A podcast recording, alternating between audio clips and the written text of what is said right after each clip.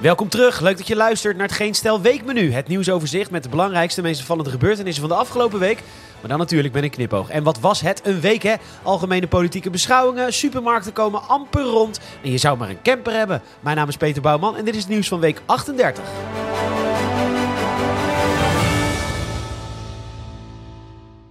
Ik kreeg via eh, Instagram een aantal berichten. Mocht je zelf iets willen sturen trouwens, @petorgn.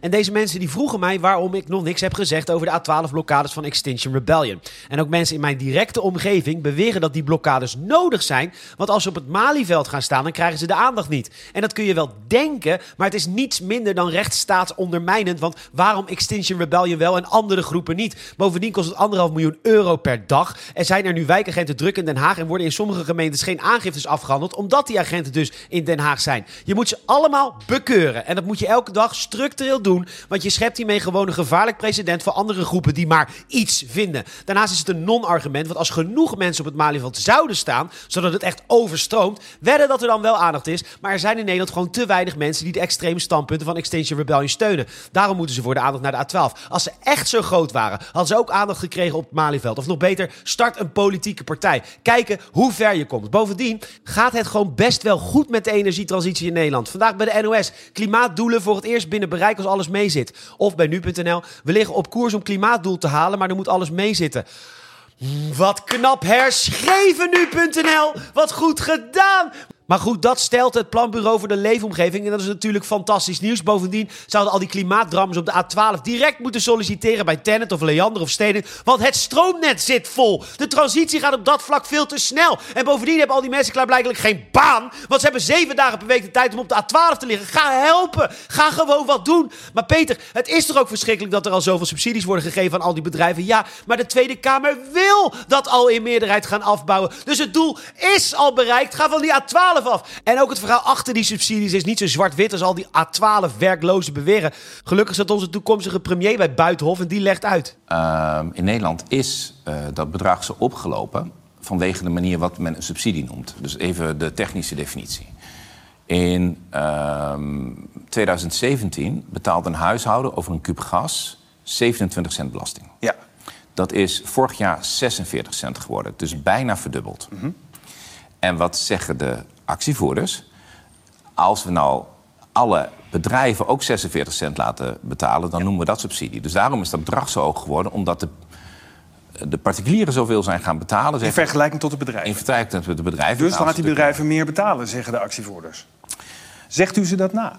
Um, ik, ik, denk dat als je bepaalde industrieën nu zegt van u gaat 46 cent uh, bedragen, dat, dat je ze uh, het, het, ticket naar het andere land die kunt, uh, kunt geven. Alleen niet het volle bedrag dat u daar denkt, want dan kunt u op geen enkele wijze denken dat wij hier uh, bedrijven doen. En dan gaan die bedrijven vak over de grens zitten, gaan ze daar produceren. En dat is niet de bedoeling. En dan gaan ze daar produceren. En dan zeggen wij, wij gebruiken geen CO2-uitstoot, maar we kopen precies die producten. Okay. Dus ik bedoel, kom op, we moeten dat waterbedeffect. Uh, daar, gaan we het, daar gaan het ook niet voor doen. Bedankt Jezus Christus van Enschede voor die uitleg. Want natuurlijk is het goed dat we van fossiel afgaan. Want het is eindig en het is niet goed voor de wereld. Maar tegelijkertijd gaat Nederland de wereld niet helpen. Als in China en India en bovenal Afrika miljarden mensen uit de armoede willen. En die gaan dus allemaal meer energie verbruiken. 600 kolencentrales zijn ze in Azië aan het bouwen. Dus ja, het is goed dat we duurzamer gaan leven. Maar we gaan het klimaat daarmee niet redden. En als ik dat dan zeg, dan krijg ik te horen... Ja, als elk land zo denkt. Ja, maar ja, dan zeg ik... We doen toch al veel. We vergroenen toch ook. We doen al zoveel meer dan de meeste andere landen. Ons stroomnet kan het niet eens meer aan. Maar tegelijkertijd moet je erkennen dat er zoveel mensen zijn die uit de armoede willen. Die willen allemaal meer gaan verbruiken. Dat is een wetenschappelijk feit. Maar dat mag je dan weer niet zeggen van extreem links. Die net als wappie rechts ook gewoon in de wetenschap shoppen. En ik weiger dat te doen. Dus om antwoord te geven op de vraag. Nou, mijn mening erover is dus genuanceerd. Maar daarom luister je deze podcast niet. Dinsdag. We schakelen over naar Den Haag, want daar stromen verschillende Kamerleden de Koninklijke Schouwburg, of zoals de koning het noemt, Schouwburg, binnen. En Prinsjesdag geeft de Kamerleden natuurlijk de kans om een statement te maken met kleurrijke kleding. Och, wat leuk. Van D66. Ze heeft een hoedje op met de zwarte schilfers en een banaan. Kijk, zij zet zich in voor de Indonesische homoseksuele makakenapen met asbestlongen. Prachtig. Of daar, een mevrouw van de VVD. Een prachtige hoed met allemaal touwtjes en daaraan allemaal kinderarmpjes en kinderbeentjes. Mooie opsteker voor de Lepra Stichting. Och, en daarvan bijeen. Natuurlijk een bloedrode hoed met zand voor transseksuele kindsoldaten uit Sudaan. Die getraumatiseerd zijn door het luisteren van het laatste album van André Hazes junior. Prachtig hoor. Ik, ik dacht al zoiets hoor. Ja, ik voel mijn hele leven voel ik me al een beetje ja, onbestemd. Alsof deuren die voor me open zouden moeten gaan, toch altijd gesloten bleven. Dat ik ergens solliciteerde en niet werd aangenomen. En ik dacht dan altijd, het zal wel weer aan mijn naam liggen. Oh, een Peter Bouwman nemen we niet aan hoor. Ja, wie weet wat je naar binnen haalt. En nu lees ik bij de thee dat ik godverdomme al die tijd al gelijk had. 55 jaar voor Christus, in het Noord-Brabantse Kessel. Niet verwonderlijk, ook de plek waar mijn voorvaderen vandaan kwamen. Of nou ja, die kwamen uit de omgeving Boskoop, 200 kilometer verderop. Maar mijn voorouders zijn daar vast wel eens een keer op vakantie geweest. Kessel, de parel van het zuiden, werd het genoemd. 55 voor Christus. Maar het is dus niet verwonderlijk dat Julius Caesar daar 430.000 mensen vermoordde. Ja, Rome kan binnenkort een tikkie van me verwachten voor de broodnodige herstelbetalingen. Nou, eh, de politie is weer eens boos op de Geen Stijl. Want er zijn drankdieven actief in verschillende slijterijen in Nederland. Wij krijgen camerabeelden en die publiceren we dan. Want stel je voor dat je criminelen laat zien om, om ze proberen te pakken te krijgen. Stel je voor, ja, dat is zielig. Hetzelfde als toen die groep de bielen in Amsterdam aan het inrammen waren op een guy. Waarom we die beelden hebben gedeeld. Dat is zielig. En niet alleen zielig voor de daders, maar ook voor het slachtoffer. Zullen we gewoon afspreken om gewoon altijd alle slachtoffers te blurren. En gewoon de verdachten die overduidelijk crimineel verdrag vertonen, gewoon te tonen. Ja, dat, dat zoekt misschien ook makkelijker naar de daders, lijkt ons. In plaats van een C-element, man, ongeveer 30, had een groene broek aan en dan een foto van iemand achter een stuk matglas. Zo, dat waren de algemene politieke beschouwingen weer. Verkiezingen staan voor de deur, dus opeens kunnen er dingen. Maar de meest opvallende van de groep was voor mij persoonlijk toch wel Laurens Dassen. Hij is van de partij Volt en zij willen een Verenigde Staten van Europa. En dat is prima. Of nou, dat is helemaal niet prima, maar het is prima. Ja, dat is helemaal niet. Het is prima dat hij dat vindt, maar het is niet prima. En wil je, wil je zelf ook eens zien hoe het in de EU gaat? Check even de linkjes naar twee video's in de show notes. Collega, collega Tom Staal heeft de EU ooit eens bezocht. En nou ja, je bent snel genezen van nog meer EU. En spoiler alert, hij krijgt klappen van een Europarlementariër. Maar goed, Dassen wil meer EU. En het is prima dat hij dat vindt. Maar waar hij voorheen nog in de marge een beetje zijn standpunten verkondigde... is het een vervelende, zuigend mannetje geworden die iedereen de maat neemt. Een soort D66. Ja, Laurens, verduurzaam is inderdaad gemakkelijker als we het Europees regelen. Ja, Laurens, het is beter als we belasting voor multinationals Europees regelen. Ja, Laurens, het is beter als we... Ken je... Dat als je een schaar koopt? Dat zit altijd in een verpakking die niet zonder schaar te openen is. Zo'n dichtgesielde verpakking, waarbij je het op het eerste gezicht ziet. Dan denk je dat je het een soort van los kunt peuteren van elkaar. Zodat de schaar ja, in een soort van mal komt te liggen, open. Waardoor je de schaar kunt pakken voor gebruik, maar niet is minder waar. Er zit geen lipje in. Er zit geen, geen inky pinky dingetje in waar je je nagel achter kunt zitten. Dat is er niet. De enige manier waarop je deze verpakking open kunt maken is een schaar. Diezelfde schaar die in die vreselijke verpakking zit. Dus wat doe je? Je pakt een aardappelschilmesje en je begint te zagen. En na minutenlang zagen ontstaat er een klein scheurtje. Maar hij denkt, joh, ik zet mijn handen erin en ik scheur die verpakking wel verder open. Maar nee, natuurlijk kom je geen centimeter verder. En dus ga je maar weer snijden en snijden en snijden. Totdat je eindelijk een schaar hebt en die uitnodigingen kunt knippen. Maar wat blijkt nou? Schaarbot. Terug naar de gamma. Ik wil een nieuwe schaar. Deze is bot. Ja, meneer, u heeft de verpakking niet heel subtiel opengemaakt. Zo kunnen wij het niet terugnemen. Nou, Laurens, kan Europa daar wat aan doen? Waar Europa vooral niet over moet gaan, is de rijbewijzen. Waar bemoeien die mensen zich mee? Kijk, hier in de T. Ze willen een SUV-rijbewijs. Waarom? Al dus de uh, Europarlementariër. Zwaardere auto's nemen meer ruimte in beslag en hebben een hoge uitstoot. Ja, ja, daar helpt een, een ander rijbewijs toch niet tegen. Bovendien zijn 90% van de nieuwe SUV's elektrisch. En ook willen ze bestuurders onder de 21 een apart maximumsnelheid geven van 90 km per uur. Levensgevaarlijk, zeker in Duitsland. En ze willen zich ook bemoeien met de maximumsnelheden. Die mogen nooit hoger zijn dan 130 km per uur. Kijk, dit dus, hè. Ga weg. We hebben onze eigen rijbewijzen. Ja, onder de bezielende leiding van die irritante Pechtold. Maar dat is godverdomme wel onze irritante Pechtold. Ga weg, EU. Ga je bezighouden met internationaal vliegverkeer of zo. Eigen CBR eerst. Ik ben voor spreekkoren in de Tweede Kamer. Nou, lijkt me leuk. Zijn de homo's? Ja, ja. Zijn de homo's? Ja, ja. Zijn de homo's? Ja, ja. De homo's van Vakka. De herdertjes lagen bij nachten, ze lagen bij nacht in het veld. Daar hoorden ze engelen zingen. Elke Nederlander heeft recht op staatszekerheid. En dat betekent dus niet alleen een beter inkomen, ook dat ze een huis kunnen kopen en toegang hebben tot onderwijs en zorg. En ook als je niet in de Randstad woont. En nee, Jesse Klaver, een auto is geen luxe product. Ja, misschien voor jouw kiezers in de stad, maar alles daarbuiten heeft gewoon een auto nodig om naar werk te komen. Je zou maar nachtdiensten hebben en met de trein moeten. Dank je naar koekoek. Dus auto, auto hoort bij die bestaanszekerheid. Donderdag? Bij de Telegraaf. Camper fors duurder door belastingverhoging. En dan komen er een aantal ouden vandaag aan het woord om hun beklag te doen over deze schandalige zoveelste belastingverhoging. Maar nu even het echte verhaal.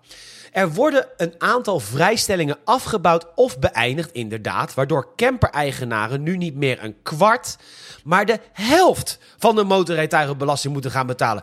Kan iemand mij uitleggen waarom deze mensen met enorme voertuigen, vaak met gevaar voor andermans leven, met 70 km per uur slingerend over de snelweg, eerst een kwart en straks nog steeds maar de helft betalen ten opzichte van jij en ik? Mensen die gewoon een auto nodig hebben in het weekend, constant gehinderd worden door die krengen, met nog een stel gemotoriseerde fietsen op de achterkant geduct Ja joh, weet je, als ik een tweede auto zou kopen, prima. Maar denk je dat ik dan, als ik de rekensom maak, dat ik dan niet de motorrijtuigenbelasting keer 2 zou doen? Natuurlijk wel. En dan praten we dus over een gewone auto. Niet een uh, vrachtwagenwoning op wielen met een maximumsnelheid van 80 km per uur. Maar denk maar niet dat ze dat rijden. Nee, dat is me net te snel. Ik neem het zeker voor het omzekere. 70 is me wel best. En dan het geklaag in een krant van de oude vandaag. Ja, we worden al zoveel gekort. Ja, Amahula, dank je de koekoek. De generatie die een huis voor een ton in gulden kon kopen, dat nu in 4 ton en euro's waard is. Maar denk je dat ze erop gaan interen en plaatsmaken? Nee, want Herman heeft de tweede slaapkamer nodig voor de Merklin-treintjes. En Rietje de derde voor hobby poppen maken. God, ze snapt er niks van dat de kleinkinderen die poppen niet lief vinden. Rietje,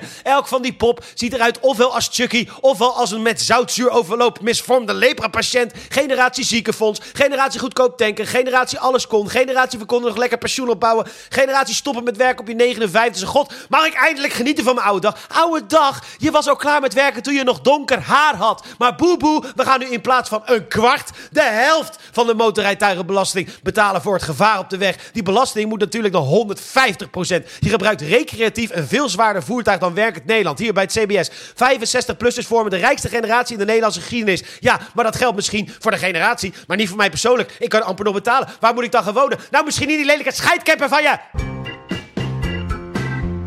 Daar gaan we weer bij de NOS. Gelderse commissaris van de Koning Berends zal taken neerleggen tijdens onderzoek naar wangedrag. Hij wordt beschuldigd van schelden en met deuren smijten. En dit zijn natuurlijk ja, gepikeerde ambtenaren die een keer wat moesten inleveren op een bepaalde datum minder ver weg dan twee maanden. Zoals ook de ambtenaren boos waren op oud-Kamervoorzitter Ariep. Daarover gesproken, Vallen de Money heeft weer eens ergens de tanden ingezet. En dan weet je het wel. Dat onderzoeksbureau dat onderzoek doet naar Ariep heeft dus helemaal geen vergunning om recherchewerk te verrichten. En dat is me dan wat. Dat het bedrijf zomaar een persoon kan doorlichten. En dat is gewoon heel logisch, hartstikke illegaal. Tenzij je dus een vergunning hebt. Niet dat het erg is, want uh, ja, justitie is zo druk dat er inmiddels 200 bedrijven zonder vergunning werken. En justitie gedoogt dat vanwege die drukte. Wat een clusterfuck. Want omdat steeds meer mensen de wet niet meer afdoende vinden. En maar vinden dat een keer gekwetst zijn. Of een keer een stemverheffing horen. Al zien als iets strafbaars. Daardoor wordt er belachelijk veel onderzoek gedaan. En omdat justitie die vergunningverlening niet aankomt. Wordt het nu gedoogd dat de echte wet wordt overtreden. Namelijk dat je niet zomaar iemands privéleven mag vroeten.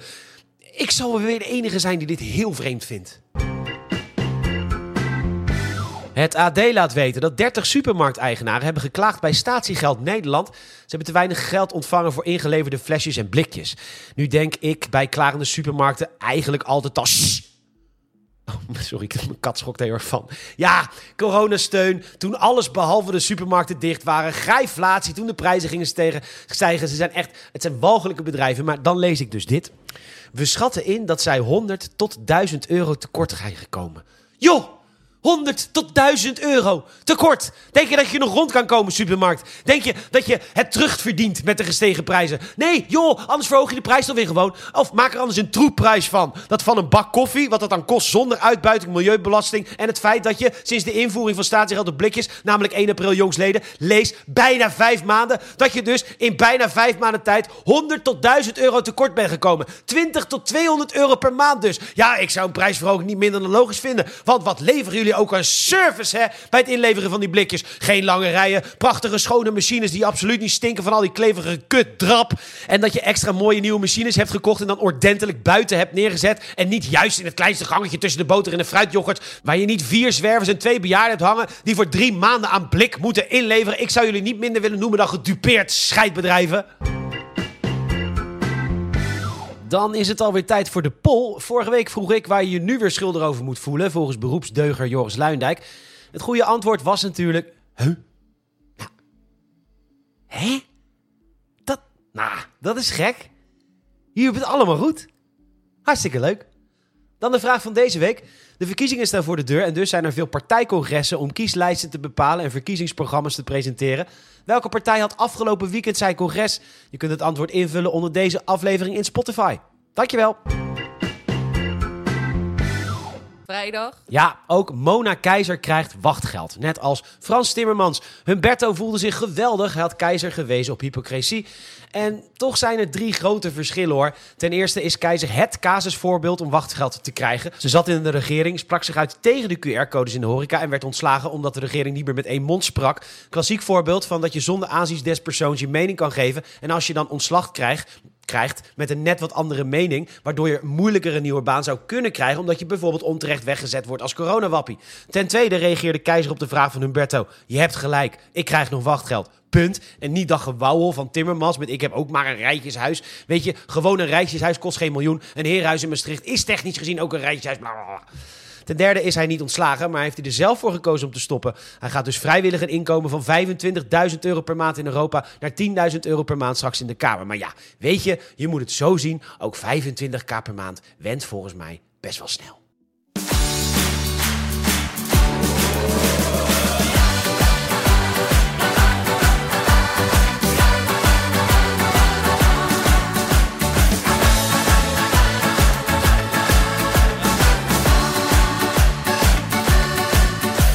Een leven lang voor de P van de A. Een strijd voor de, de minima.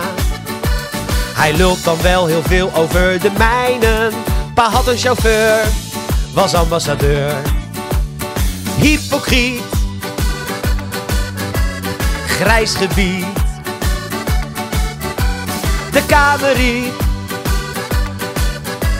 Hij maakte kennis met het gratis geld. Is een krent en een gierige vent. De kamer heeft Frans Timmermans verwend. Een tonnetje ongeveer, wat een geprofiteer. Maar Fransie die wil meer en meer en meer. Kaching, kaching en kassa, hij wil nog, hij wil nog meer.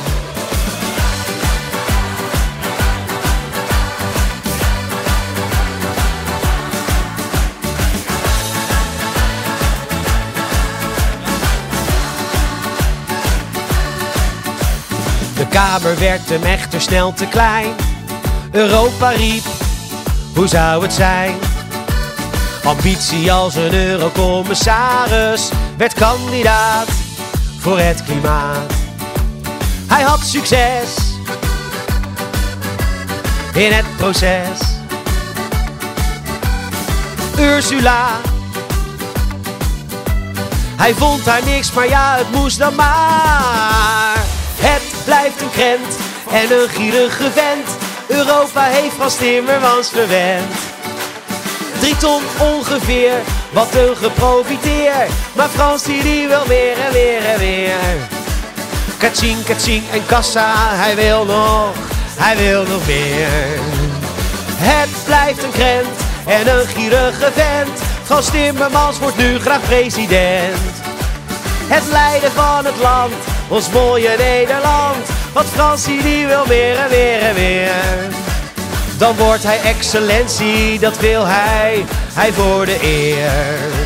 Dan wordt hij excellentie, dan wordt hij excellentie, dat wil hij, hij voor de eer. Lekker bezig Fransie! Dan is het tijd voor wat feedback van jullie. Als je zelf ook uh, reactie wil geven, dat kan op verschillende manieren. Onder Spotify kun je reageren onder elke aflevering. Vind ik hartstikke leuk. En als je me een berichtje wil sturen, dan kan je dat doen. Uh, mijn, uh, mijn nickname is @ptorgn en dan kun je me volgen via Instagram en natuurlijk de enige echte social media, Biriel. Goed, veel kabouter Sven. Ja, nou, weet je, misschien komt hij ooit nog wel een keer terug. Misschien wel heel snel. We gaan het wel zien. Wat spannend. Uh, scope van de Partij van de Dieren item mooi. Dat is dus grappig, want ik vond het dus heel flauw. En vervolgens krijg ik van meerdere mensen reacties dat het dus heel grappig was. Weet je, ik weet ook niet. Ik doe ook maar wat. Dus fijn dat je het leuk vond. Uh, Robert wil graag dat er elke week uh, dat ik BOA's um, bespreek. Nou, als het langskomt, komt het langs. En Jules zegt, ik vind de podcast geweldig. Je spreekt sarcasme als tweede taal. Geef me elke week weer een stukje hoop in deze alsmaar falende maatschappij. Dankjewel, Jules. Hashtag Freak about. Uh, bedankt voor het luisteren. Uh, we staan qua reviews ook hartstikke goed. Ik zag dat we er weer een paar bij hadden. We staan nog steeds op een 4,9 uit 5. Hè. Dus toch, het is eigenlijk, eigenlijk is het er belachelijk voor woorden. Hoeveel zitten we nu op? We zitten op uh, 514. Nou, hartstikke goed. We gaan richting de 550. Onwijs bedankt en uh, help ons even. Mond-tot-mond reclame. Vertel even een vriend of vriendin of familielid over deze podcast. En uh, zo kunnen wij organisch nog meer groeien. En um, geef ook je feedback. Hè. Misschien gedachtenrichtingen waar ik het over kan hebben, et cetera, et cetera. soms gaat het makkelijker dan de andere keer. Dat is ook zo. Maar goed, onwijs bedankt dat je weer geluisterd hebt. Bedankt voor alle lieve reacties. En ik spreek jullie volgende week weer in de nieuw Geen Stijl Weekmenu. Tot dan. Doei.